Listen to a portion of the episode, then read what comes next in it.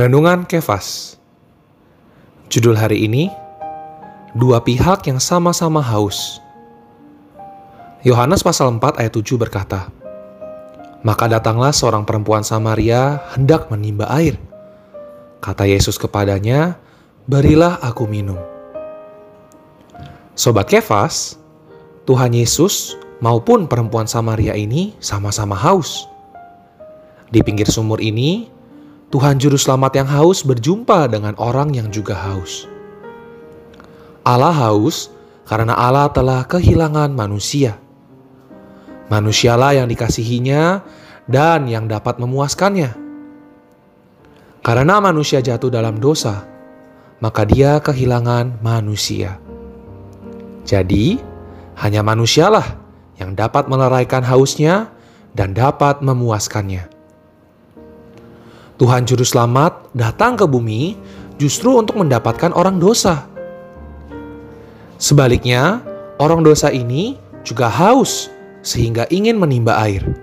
Kemudian ia juga minta air minum kepada Tuhan. Tuhan haus, orang dosa pun haus.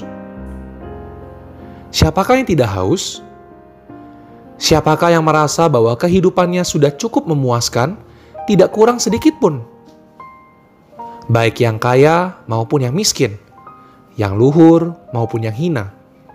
Semuanya belum merasa puas, masih merasa kurang.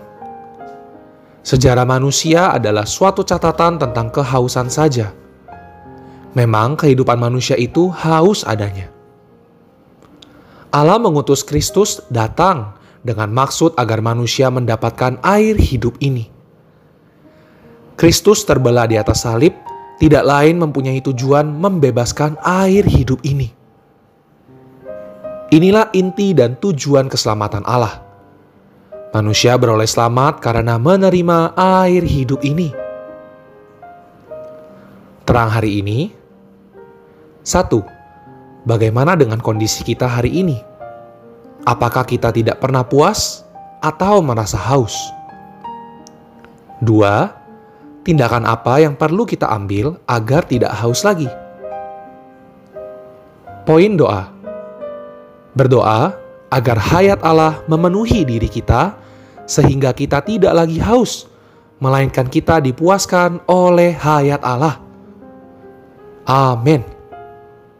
Tuhan Yesus memberkati.